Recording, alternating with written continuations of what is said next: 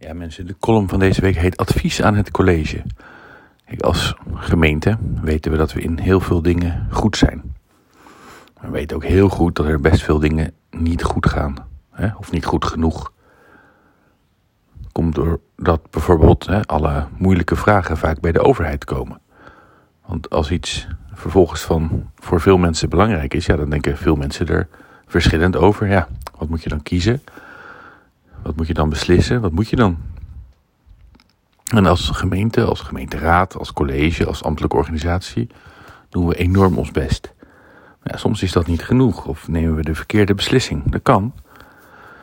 En uit de onafhankelijke cijfers blijkt dat het in aantallen in Leidschendam Voorburg wel beperkt is. Die foute of verkeerde beslissingen. Maar toch, als het niet goed gegaan is, of je bent er niet mee eens, dan zijn er stappen te zetten dan kunnen of mogen mensen een bezwaarschrift indienen of een klacht. Dan proberen we dat wel eerst zelf op te lossen. Want vaak kom je er samen toch wel uit. Hè? Dan kijk je even, oh ja, nee, dat was niet de bedoeling.